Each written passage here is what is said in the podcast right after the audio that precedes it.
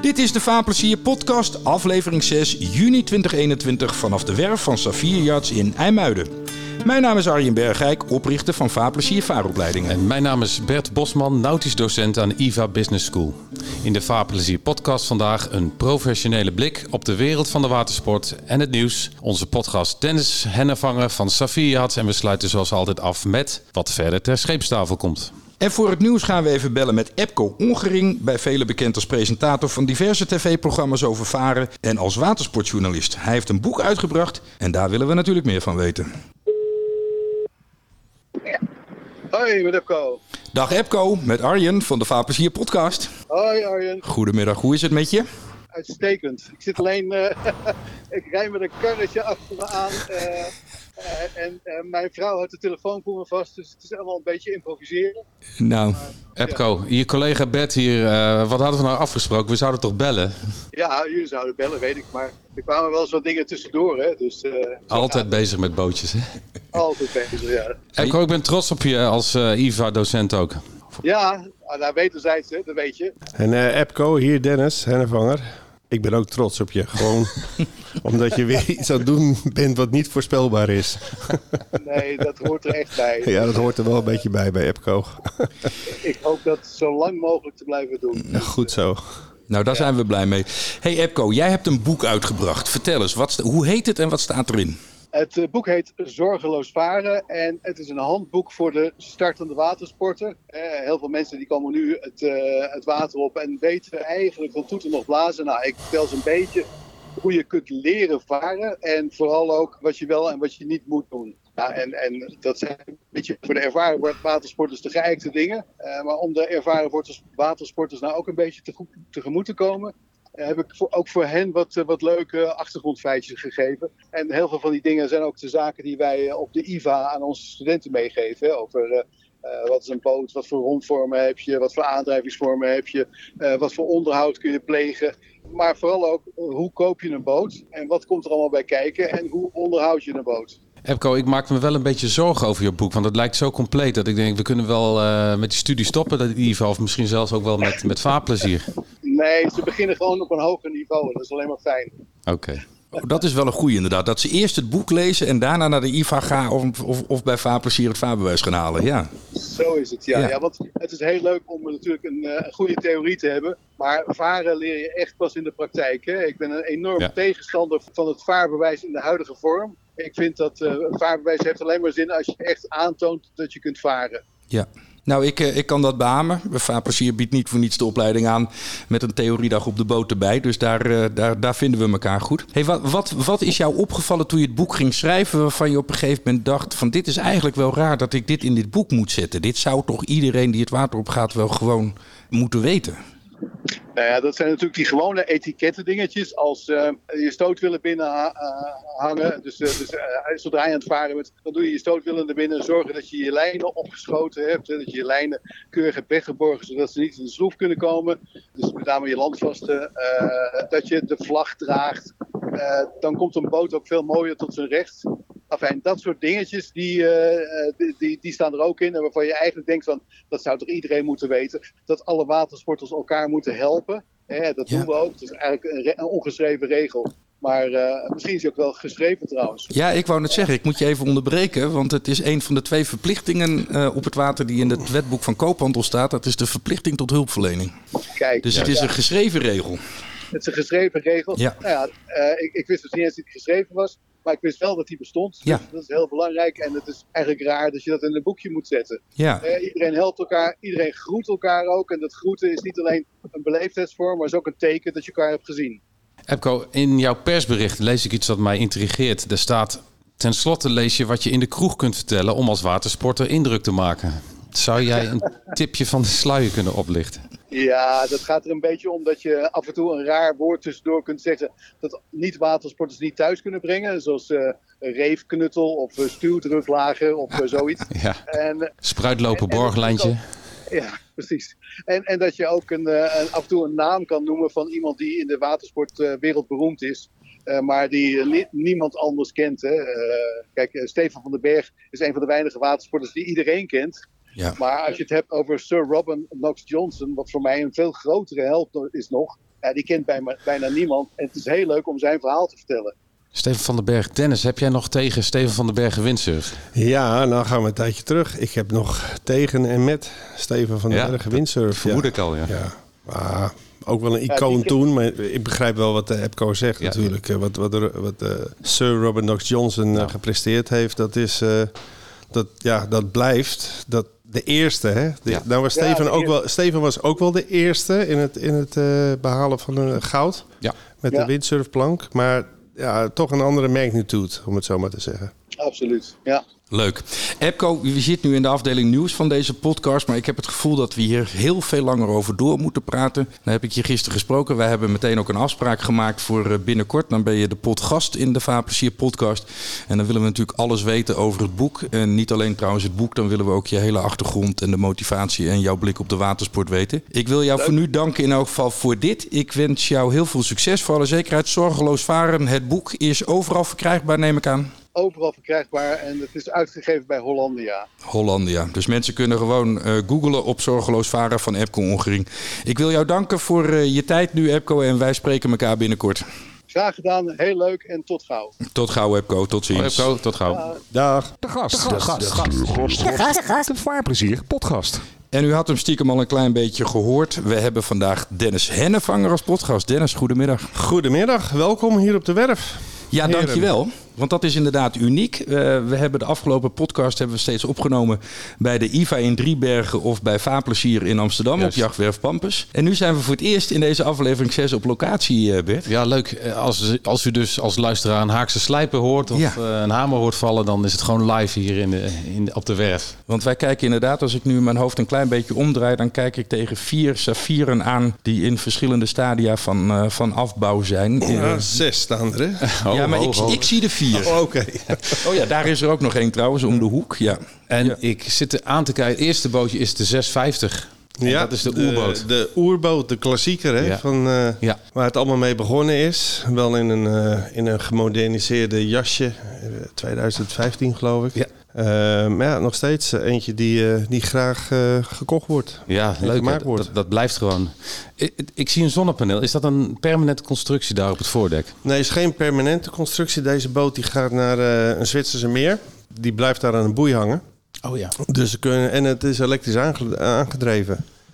Dus hij moet toch die, die accu kunnen laden. En dat gebeurt dan via een solar panel. Maar dat moet je niet zien dat het daar constant ligt. Op het moment dat die man ermee gaat varen, dan het is een flexibele eh solarpaneel. Dus dan kan hij dat eh, in de voorronde neerleggen. En als hij dan klaar is, dan, eh, dan, dan legt hij hem weer op het dek neer. Ja, En dit is, dit is een, een Torqeedo-aandrijving met ook de Torqeedo-batterijen en zo. En, en, en dat lithium dat laat zich makkelijker laden dan, dan, dan, dan de oude accu's Ja. door, door zon. Dennis, jij zegt, hij gaat naar Zwitserland, zeg je? Ja, Is het nou nog zo dat je elke nieuwe Safir persoonlijk aflevert? Of is dat... dat gaat helaas niet meer. Dat vond ik zo'n mooie traditie. Ja, maar weet je, ik heb ook een gezin. en eh, dit jaar mogen we 86 nieuwe boten afleveren. dus dan, eh, ik denk dat dat fysiek geen eens gaat. Meestal wordt het ook allemaal in eh, tussen, ja, zeg maar tussen april en eh, september afgeleverd. Ik heb het nooit precies uitgerekend, maar volgens mij lukt dat niet fysiek. Nee, dus we hebben tegenwoordig een heel team eromheen om dat Ja. te kunnen faciliteren. Ja. 86 boten voor 2021. Ja. ja, inmiddels zijn er al wel natuurlijk een aantal geleverd. Maar we moeten nog wel een, ik, denk, ik denk een bootje of eh 35, 40 nog. Ja, Ja. En lig je lekker op schema? Ja, gaat goed. Ja, nee, gaat echt goed. Ja, dat is eigenlijk goed op de richt, eh, die planning. Eh, we zijn wel wat klein bij huis, dus we, we hebben eh, wat anders mogen kopen waar we druk mee bezig zijn om dat te gaan inrichten. Duurt nog wel even, want dat moet wel helemaal verbouwd worden. In Hermuiden ook? Ja, in de Muiden. Oké. Als je dan weet dat we hier op dag 13 of 1400 meter zitten en we gaan qua grond dan naar 7000 meter, dat is natuurlijk wel een flinke uitbreiding. Zo. Maar eh, we huren hiernaast ook wel andere panden. Dus het is niet helemaal alleen maar dit. Dus, maar we hebben dat wel echt, eh, echt, echt wel nodig Ja. om dat, eh, om dat beter te kunnen, nog beter te kunnen doen. Ik wil het straks nog even hebben met je Dennis over het geheim van Safir. Want dat is, dat is een, fac- een, een samenstelling van, van, van factoren, denk ik. Uh, maar die 650. eh, één- dan, kan, ik- dan kan ik een tipje van de sluier oplichten. het, het grootste geheim is mijn broer. Aha. Tje. Maar hij is wel groter. Kleine Dien van Ja, eh, 1,95 meter. Ja, precies. De 650, ja, eh, ehm, mijn collega, ex-collega Jan Briek van de Waterkampioen, die schreef ooit een legendarisch verhaal in de Waterkampioen. Want Klopt. jullie hadden een bepaald plan opgevat.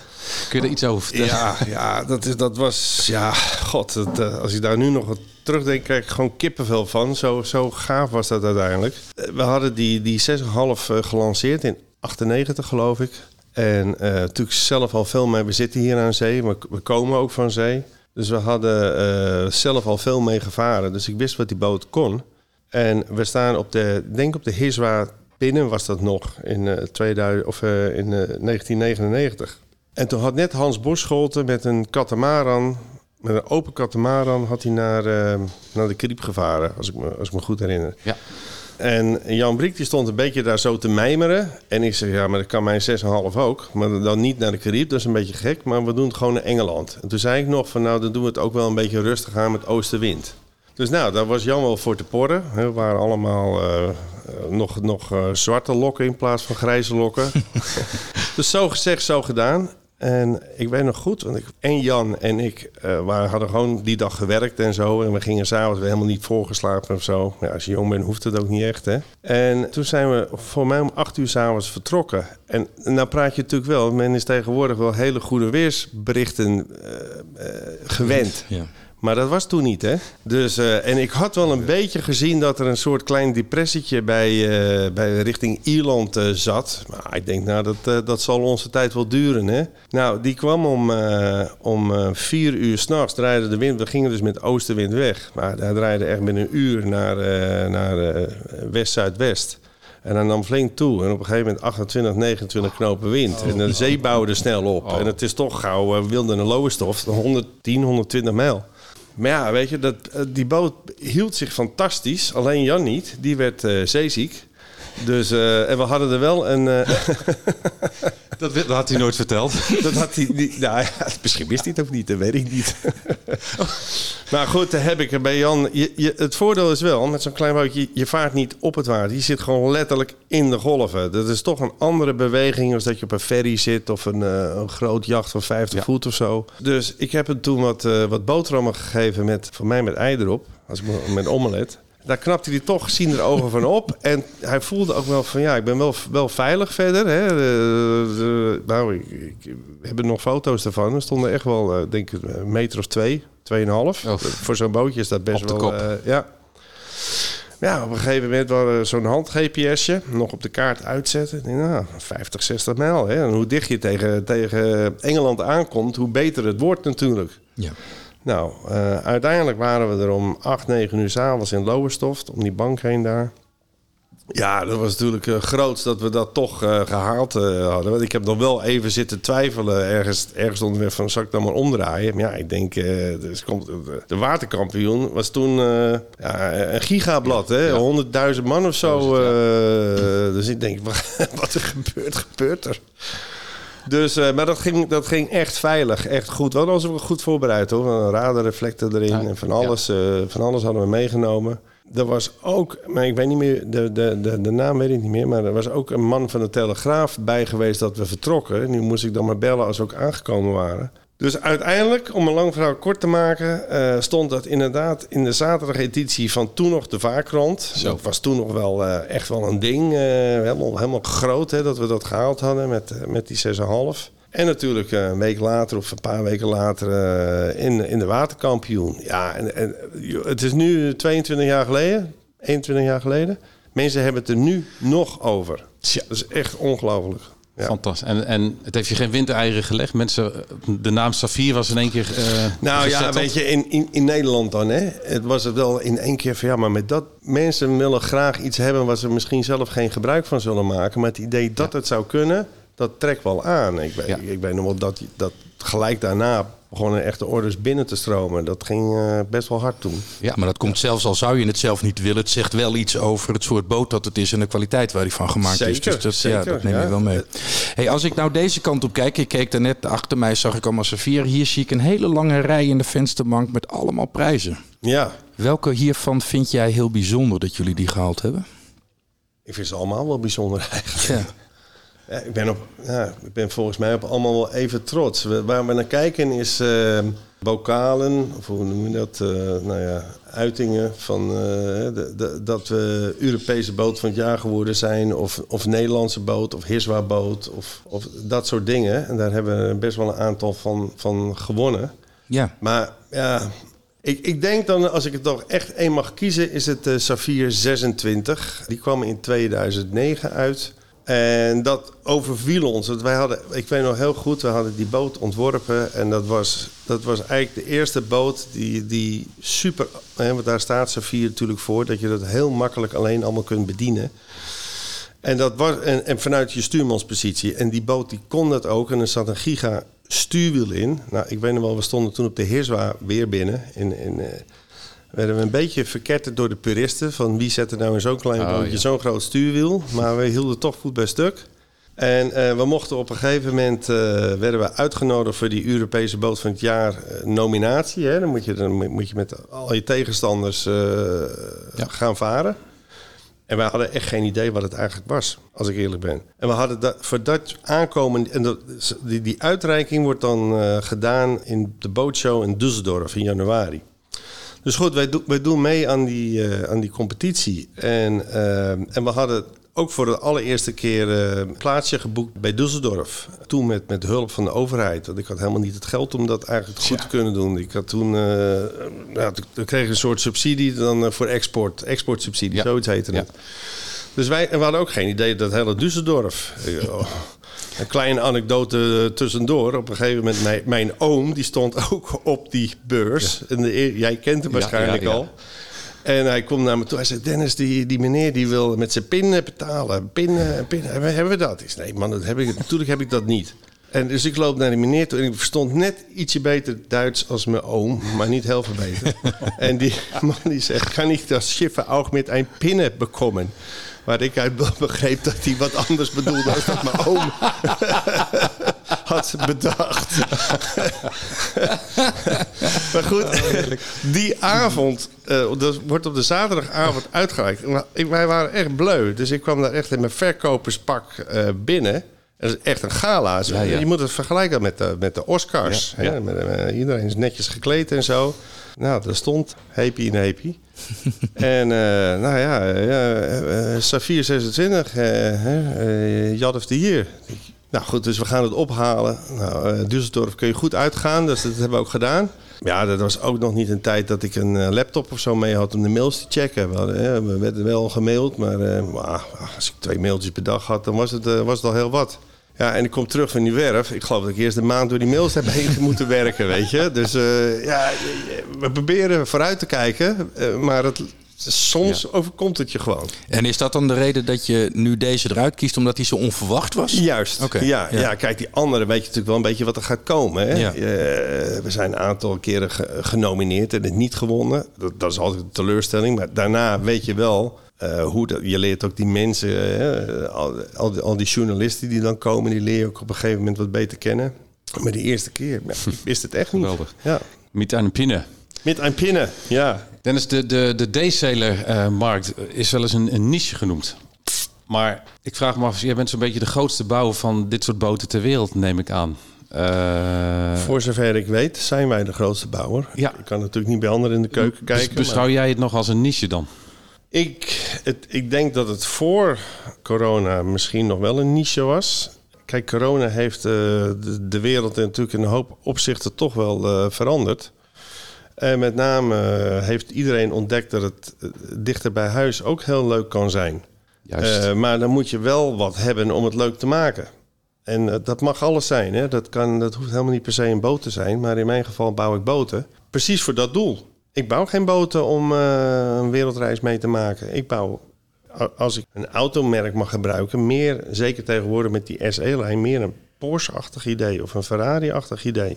En eh, daar, die koop je ook niet om, eh, om, eh, om, eh, om met een gezin mee op vakantie te gaan. Hè? Nee, Dat, dat, is, ja. dat, dat is een beetje wat wij aan het doen zijn. En dat past natuurlijk helemaal in deze tijd. Ja. En het hoeft niet per se in Nederland te zijn, want de export, dat lukt wel. Ik kan nog steeds de boten overal heen. Ik kon er fysiek niet heen. Hè? Naar Amerika kan ik nu nog steeds niet heen. Nee. Maar ik mag wel die boten erop zetten en heen sturen. En dan zie je toch dat met videocalls een hele hoop lukt uiteindelijk. En wat hulp van de professionele kant aan die zijde, dan lukt dat. Ja, je zei al in het voorgesprek, we zaten net al lekker te babbelen, net zoals nu. Dat corona heeft uh, jullie geen winter, dat heeft jullie wel uh, een steuntje in de rug gegeven. Ja, nou, uh, moet ik wel eerlijk bekennen. Het was, ik denk dat het een, een, een, samensmelting van een hele hoop dingen in één is. Weet je, 2020 brachten we precies die Safir SE27 Leisure uit. Wat, uh, ja, wat een enorme, enorme schot in de roos is. En, maar ik kan niet ontkennen. Ik denk dat corona zeker wel meegeholpen heeft. Nogmaals, ja. ik, ik, ik, denk wat wij maakten precies hetgene is wat mensen uh, nodig hadden of hebben. Heb jij dat ook gemerkt aan de kopers? Dat je nu andersoortige kopers voor de boten kreeg of niet? Uh, niet anders, maar de beslissingen gewoon veel en veel sneller. Juist dat. Veel en veel sneller. Mensen dachten we kunnen niet op vakantie, dus gaan we ja. nu die droomboot ja. gaan we eindelijk eens een keertje aanschaffen. Ja, en ja, weet je, er wordt ook wat minder uh, naar de prijs gekeken. Doe maar. Eh, maar dat zou dus betekenen, als het geen nieuwe mensen zijn, maar mensen die toch al geïnteresseerd waren, die nu de beslissing sneller genomen hebben, dat ze waarschijnlijk ook wel op het water gaan blijven. Of denk je dat niet? Uh, laten we het in ieder geval hopen. Ja. Maar ik, ik, denk het wel. Ik denk dat zelf dat water echt herontdekt is door de corona. Hoor. Daar ben ik heilig van overtuigd. En nogmaals, hè, wereldwijd. Echt niet alleen in Nederland. Het water is echt... Water heeft in mijn ogen, zeker waar ik ook vandaan kom... altijd gestaan voor vrijheid. Voor ultieme vrijheid. Iedereen beschouwt water toch als een vorm van vrijheid. Ja. En wat is er verleden jaar gebeurd? Wij werden beperkt in onze vrijheid. Er was maar één plek waar je ja, even stiekem niet door, door een uh, politie of BOA gezien kon worden. Dat is op het water. En, maar sowieso geeft dat hele kabbelende water een, een, een, een gevoel van vrijheid, denk ik. En dat misten we, ja. En dan, maar goed, we, we zijn nog niet zo ver dat we eroverheen kunnen lopen. Dus we hebben wel iets nodig om erin te zitten. Gelukkig. Nou, dat, dat ben ik wel met je eens. En ik denk ook wel dat het goed is. Zeker als je ja. deze prachtige boten ziet. Ja. Hoe, hoe heeft dat water in jouw leven? Want jij bent nou, kan ik wel zeggen, opgegroeid op het water. Hoe, Ja. heeft dat, hoe groot is die rol geweest in, in het bepalen van hoe jij daar nu in staat? Alles bepalend. De, zeker de mensen die in de watersport zitten, die, die weten wij dat wij een, eh, een, een, een, niet-conventionele of onconventionele jeugd hebben gehad. We hebben acht jaar lang uh, rond de wereld gezeild. Van mijn zevende tot mijn vijftiende. In een tijdperk, en dan praat ik begin jaren 70, waar er geen, uh, geen GPS was of geen uh, rolfox-systemen of helemaal niets. Er was echt helemaal niets. Ik bedoel, wij hebben nog op kaarten genavigeerd. Stond Last Survey James Cook. Nou, die is toch ook alweer een tijdje overleden. Maar dat, zo, hè, we, we voeren op de Admiralty charts. Ja, dus weet je, daar komt uh, natuurlijk, uh, dan leer je zoveel. Dat wat ik nu nog steeds wel, uh, in mindere mate, maar wat ik nu nog steeds, je, je krijgt, ja, je intuïtie voor een aantal dingen is gewoon heel groot daardoor. Ja. En dat, dat gebruik je, maar je hebt natuurlijk ook een, ja, op hele jonge tijd een soort les hoe het wel en hoe het niet moet. En dat vertaal je uiteindelijk nu, 40 jaar later, ook gewoon terug in die boten. Waarvan wij dan denken dat we daar, daardoor net een stapje sneller zijn en, en beter zijn als onze con-collega's. Want we hebben nou eenmaal die DNA in ons zitten. En juist ook omdat je daarmee precies kunt aangeven, omdat je, ja, als acht jaar als het je huis is, ja. dan weet je natuurlijk exact hoe breed en smal dingen moeten zijn en waar Ja. ze moeten zitten. Ja. En, Zeker. En eh, weet je, dat, combineer dat dan nog eens een keer met, eh, met, eh, met Dien, die, die, ja, die gewoon ontzettend veel talent heeft voor mooie lijnen. En talent is gewoon een hele technische, onderlegde man. En Dien is mijn broer. Tje. en, en het feit dat ik zelf wel wat, wat, wat gedaan heb in wedstrijdzeilerij en zo. En ook eh, het, het, het rondvaren wat van grotere zeiljachten, zo in de jaren 20, 30. Eh, ja, dat combineert natuurlijk dat je enorm veel ervaring gewoon meeneemt. Die je allemaal in dat, in dat, in dat model kunt stoppen. Jullie beide rollen in eh, binnen Safir, is dat gewoon op een natuurlijke wijze ontstaan? Ja, ja. Vanwege jullie talenten en interesses? En, eh, Ja, weet je, ja, dat, ik kan wel nu zeggen van, eh, nou, daar hebben we eh, over nagedacht. Maar dat, dat gaat gewoon zo. Dien die vindt die techniek gewoon, dat is zijn ding. Ja. En ja, dat, dat, dat verkopen van... ik, ik vind altijd wel, mensen zeggen wel, ja, die, die Dennis die kan heel goed verkopen. Maar dat is ook niet zo moeilijk hoor, met zulke producten. Weet je, ja, als het maar goed is, dan, eh, dan, dan, dan eh, Wil je zeggen dat Dien al het werk doet? eigenlijk wel. Dennis, je noemde eh, dat wedstrijdzeilen. Je hebt wel een paar rondjes gevaren. Nou, ik mag wel zeggen, de roemruchte Nitro wil ik nog even... Ja. ik mocht een paar jaartjes meevaren. ja. Was er een kruisbestuiving tussen die boot en de Safirs en andersom? Qua, qua opbouw van een kuip of ergonomie? Of, of... Ja en nee. Ehm, weet je, eh, de Nitro eh, was echt een gebouwd om met full crew te kunnen varen. En juist met full crew dan wil je de posities op het dek uit elkaar trekken. Hè? Dus, dus eh, niet gericht op solo of dual-handed zeilen. Met Safir willen we juist dat met name de stuurman of stuurvrouw dat allemaal alleen kunt bedienen. Maar wat we wel van de Nitro meegenomen hebben, en dat hebben we met name in die hele nieuwe serie, in die Safir SE-serie gestopt, is die performance. Want ja, goed, we hebben de Classic Line, de Safir Classic Line. En dat, dat is de 6,5 en, en de 8 meter cabin. Nou, dat is wel een, een wat meer be- bedaarde boot.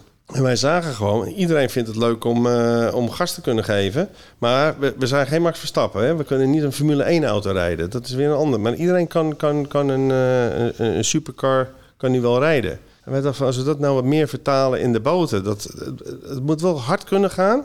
Je moet gewoon iedereen voorbij kunnen zeilen. Maar je, je hoeft niet per se super getalenteerd te zijn of zo. En het moet ook veilig gebeuren. Het gezin moet ook mee kunnen. Ja, en dat, dat, dat is denk ik momenteel een eh, grote kracht. Dus dat is performance, comfort en het alleen kunnen zeilen. Ja, gecombineerd met een, met een elegant eh, design. Ja.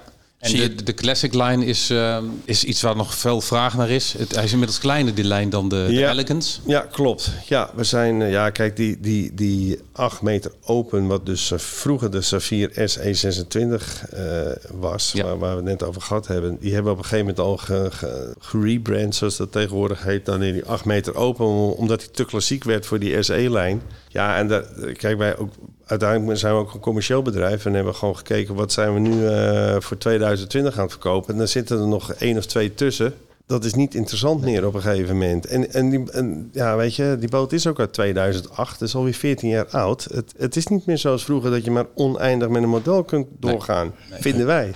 Dat, dat kon in de jaren 60, 70, 80 nog wel, maar nu niet meer. Zie je daar internationaal ook nog verschil in? Want jullie verkopen aan heel veel landen in de wereld. Dat in bepaalde gebieden de klassiekers het juist weer goed doen en andere niet? Ja, Amerika loopt gewoon wat dat betreft heel erg achter. Die ja. willen de klassiekers. Ja, ja kijk, ja, eh, niks te nadelen van J-boats hoor. Want J-boats komt uit Amerika. Als je naar hun nieuwste designs... Dat is wat Europa 15 jaar geleden Ja. deed qua romvorm. Ja. Het is niet, eh, niet vooruitstrevend. Maar ja, dat, eh, hun bedienen natuurlijk hun markt. Dat is, dat is de eerste markt. Ja.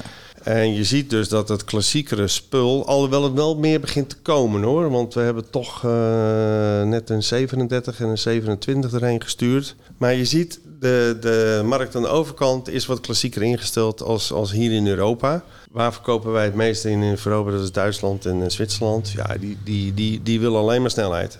Die willen echt alleen maar snelheid. Zoals hun auto's. eh, Nou ja, maken. weet je, eh, eh, rij rond in Zwitserland en zeker in de jachthavens. Je ziet alleen maar echt, echt snelle auto's staan. Ja. Ja, dat vertaalt zich één op één door naar die boten. en dus willen de boten die naar Zwitserland gaan, is dat allemaal elektrisch aangedreven per definitie? Of Niet per definitie, maar bijna wel. Ja. Je zou gek zijn als je dat niet. Als je dat...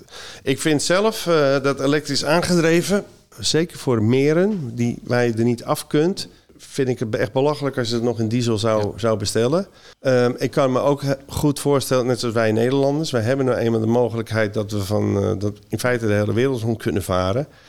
Ja, dan vind ik het nog wel verdedigbaar, eh, een, Ja. een dieselmotor. Eh, we moeten ook niet... eh, er zijn gewoon beperkingen met het elektrisch varen, met name de, de vaartijd Ja, de range, ja. en de range. En we moeten ook eerlijk zijn, hè, de, een dieseltje wat hierin gaat, dat verstookt anderhalve liter per uur. Het is een zeilboot. Als die mensen aan het einde van het seizoen zes of zeven liter verstookt hebben, Ja. dan denk ik toch niet dat de wereld daar...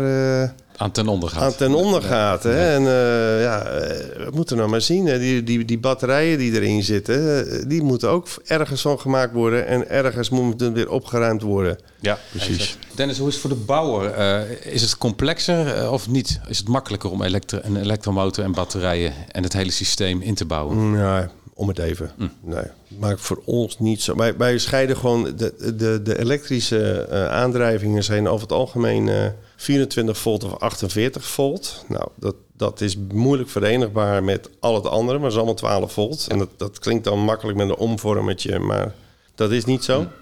Dus wij maken gewoon twee gescheiden systemen. De eentje is echt alleen maar voor de motor en de, en de andere batterij is echt alleen maar voor de, voor de, voor de, Voor het boord. ja, voor het boordnet. En eh, de klant merkt er niks van, want aan de voorkant gaat er maar één stekker in, maar aan de achterkant zitten er dus twee, eh, twee laders. Hey, stel nou dat ik eh, eh, dit jaar het weer eh, is prachtig eh, aan het worden inmiddels. Ik wil nog een Safir bestellen. Heb je nog ruimte dit jaar? Ik heb, eh, we verkochten er vanmorgen eentje voor september twee- eh, 22. Dus nee, dit jaar. eh, Dus jullie, lopen, jullie hebben een wachtlijst van een jaar nu inmiddels. Ja, ik denk dat we, ik, we- we- Toevallig willen we volgende week gaan overleggen of we, hoe we dat nu moeten gaan doen voor 23. Want dat klinkt heel luxe. eh, Maar het is ook wel een uitdaging. Want Ja. kijk, die, die materialen, dat hebben iedereen wel in het nieuws meegekregen, die stijgen giga. Het is leuk als ik nu een boot verkoop voor 23. Maar ik moet hem dan, ik kan consument moet je wel bouwen voor de, voor de, voor de prijs wat je afspreekt. Ja. Dus in feite moet ik prijzen nu al gaan zetten op de verwachting voor 23. Dus dat is, ja, eh, misschien is het wel verstandig om gewoon te zeggen, nou, even een tijdje maar geen orders. Eh, ja, het klinkt ontzettend decadent, maar dat is wel de waarheid zoals het nu is. Wat is, wat is in jouw beleving, hoe gaat dat lopen de komende tijd met, eh, met materialen? Ja, Wordt dat beter? Leverbaarheid inderdaad. Leverbaarheid, ja. Ik kan het je niet vertellen. Oh, Wij, oh. wij, wij staan, wij staan natuurlijk hetzelfde. Gelukkig eh, doordat we, dat we al die jaren eh, zuinig gedaan hebben en, en, en alles weer terug geïnvesteerd hebben in het bedrijf, hebben we ook wel wat kapitaal en kunnen wij dus ook hamsteren. Want in feite natuurlijk Ja. eh, een aantal. Eh, ik weet niet of dat in de watersport gebeurt, maar eh, wij, wij staan het nu wel te doen. Eigenlijk om maar nu de prijzen vast te leggen voor hetgene wat we volgend jaar moeten maken. Ja. En we staan gewoon wat groter in te kopen. Ik denk wel, wij staan het te doen. Nou zijn we toevallig bezig met, met zo'n ander pand. En daar, daar zijn we dan met zo'n aannemer mee bezig. En die hebben daar natuurlijk nog veel en veel meer last van. Die zitten met staal. Hè, want, want natuurlijk zit niet heel veel staal bij ons in. Er zit wat roest van staal, maar dat is wel te overzien. Eh, hout zit er vrijwel niet op, hè, want we gebruiken geen eh teakdekken. We gebruiken alleen maar eh, kunststofdekken.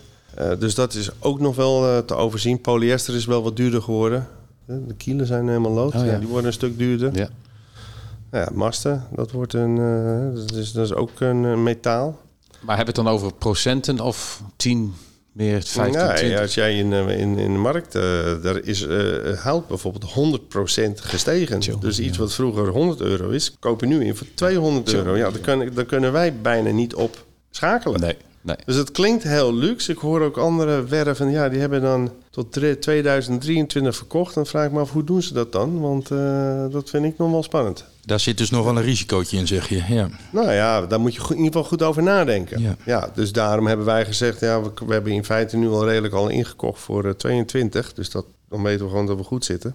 Maar om nou voor 23 al te gaan verkopen, dat volgend jaar, ja, ook dat klinkt weer decadent. Maar volgend jaar worden er ook boten besteld. ja. Ja. Dus eigenlijk hoef je nu nog niet, zeg maar. Eh, nu niet meer. Nee. Nee. niet meer. Het gaat zo verschrikkelijk hard. Het is echt ongelooflijk. Dat heeft ook eh, de, de, eh, die Europese boot van het jaarverkiezingen die we, die we met de Safir 27 gewonnen hebben, heeft daar denk ik ook wel weer bijgedragen. Maar het is, het is uiteindelijk het hele plaatje. Je bent er nou ja, bijna 25 jaar mee bezig met het hele verhaal. Altijd alles teruggestopt in hetgene wat je aan het Ja. doen bent. Dat resulteert op ergens komt die. Ja. Nou, dat, en dan ook nog eens denk ik wel dat het corona erbij, eh, Ja. erbij meegeholpen heeft.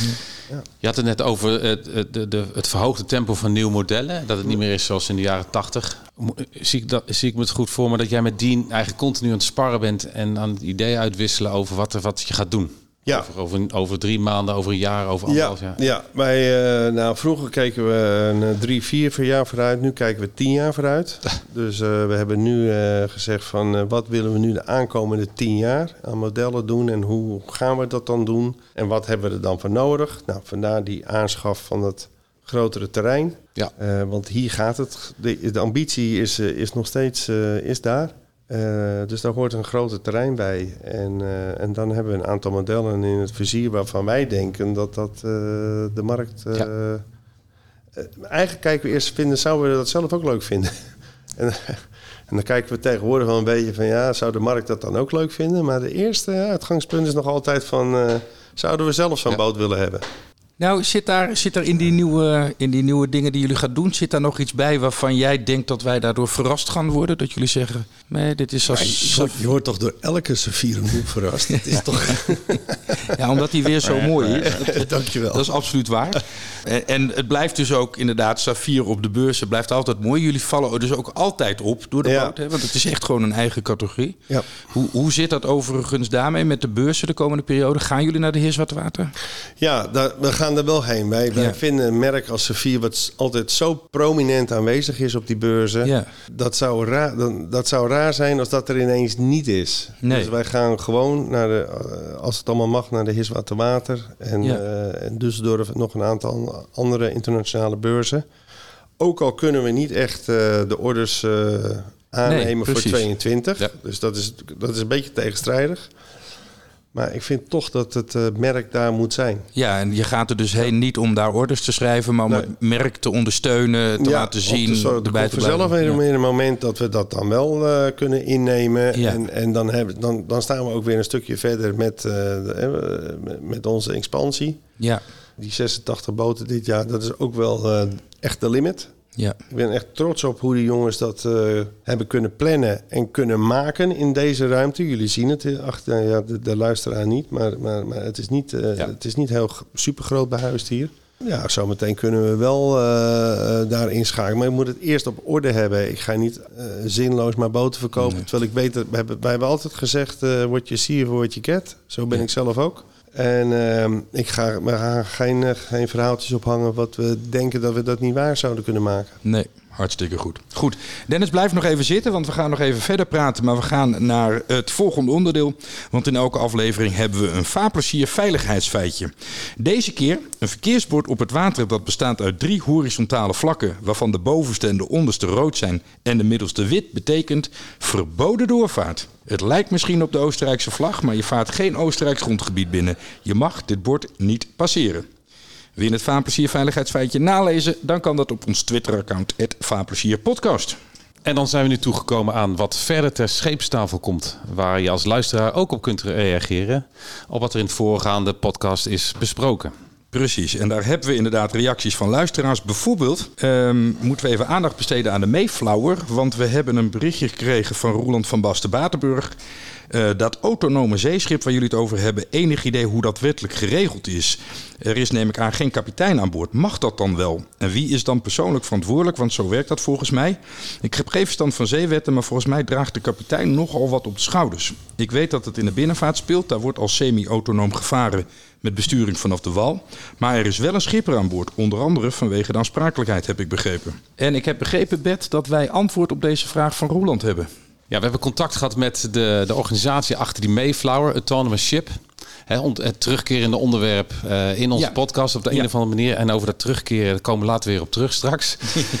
Mij werd verteld, eh, de Mayflower is required to be escorted by another manned vessel inside the national waters of any country. So there will be an escort vessel with the MAS, Ah. the Mayflower, in both UK and US national waters.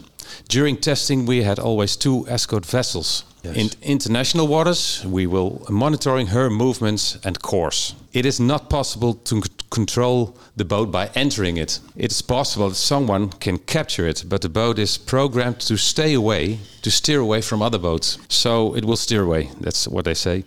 Uh, however, if someone is absolutely determined, they could capture it. In which case, we would know who that was by a variety of means, including the streaming videos. Juist. Maar er is dus niemand aan boord, maar er is een ander schip in de buurt als die in eh, territoriale water Exact. vaart. En Ja. die neemt als het ware de verantwoordelijkheid, eh, de schippersverantwoordelijkheid op zich. Maar we hebben het gezien. Hij was al in internationale wateren. Heading eh, 255 op naar eh, de States in zijn eentje. Echt Ja. heel schattig. Maar hij ging maar langzaam vier knopen. Hij zou 12 moeten varen, die aluminium trimaran. En een uurtje later heb ik jou Arjen van... hij stuurt 55 nu. Ja. En verdomd, hij, ging, hij was teruggekeerd. En wat blijkt nou, er zijn mechanische mechanical problems. En eh, hij is nu met negen knopen inmiddels. Maar nog steeds heading 65, 65 graden naar, eh, naar Plymouth. En daar wordt gekeken hoe of wat. En ik dacht eigenlijk, het is eigenlijk best wel mooi voor zo'n project eh, als het in één keer goed zou gaan. Maar dit is ook interessant van, hè? Wat, wat, wat, zijn, de, wat zijn de problemen? Wat, wat is er gebeurd? Dat is allemaal, Ja. Zijn allemaal leermomenten, denk Ja. ik. Ja, denk het ook. Ja. Wanneer, Dus- wanneer zien we de eerste zelfvarende Safir verschijnen, Dennis? nee, dat is natuurlijk onzin. Want We, we hebben wel eens een modelbootje gemaakt van een Safire. oh ja, die kon ja, zelf precies. varen. Die zou Ja. dan zelfvarend Ja, kunnen zijn. Een ja, soort ja. Safir zeilklasse voor modelbootdingen. Ja. Ja. Die drijft nu ergens bij Schotland. Of, eh, nou, pff, ik weet niet meer waar dat gebleven is, eerlijk gezegd. Maar eh, Ja, en we hebben, ik heb nog iets ontdekt eh, in het nieuws. Eh, zijn jullie nog een wereldreis van plan? Een zeilreis? Of, eh, Niet op korte termijn. Oké, ook voor luisteraars, let op, want er is een oceaan bijgekomen. Sorry? Ja, er is een vijfde oceaan nu. Dus misschien moet je dan je reisplan of je routes aanpassen. Is dat iets met, eh, met global warming? Dat er nu ik- zoveel ik- ijs gesmolten ik is dat we dacht er een oceaan eh, bij hebben? Jij dacht, dat je de zee kent, Dennis. nou, ik dacht dat ik ze allemaal gehad had. Ja, maar, hebt- eh, ik ben heel benieuwd. Acht jaar op het water gewoond, Ja. maar er is nu gewoon een oceaan bijgekomen die je gemist hebt. Vorige week dinsdag een vijfde oceaan officieel en internationaal erkend door de Na- National Geographic Society.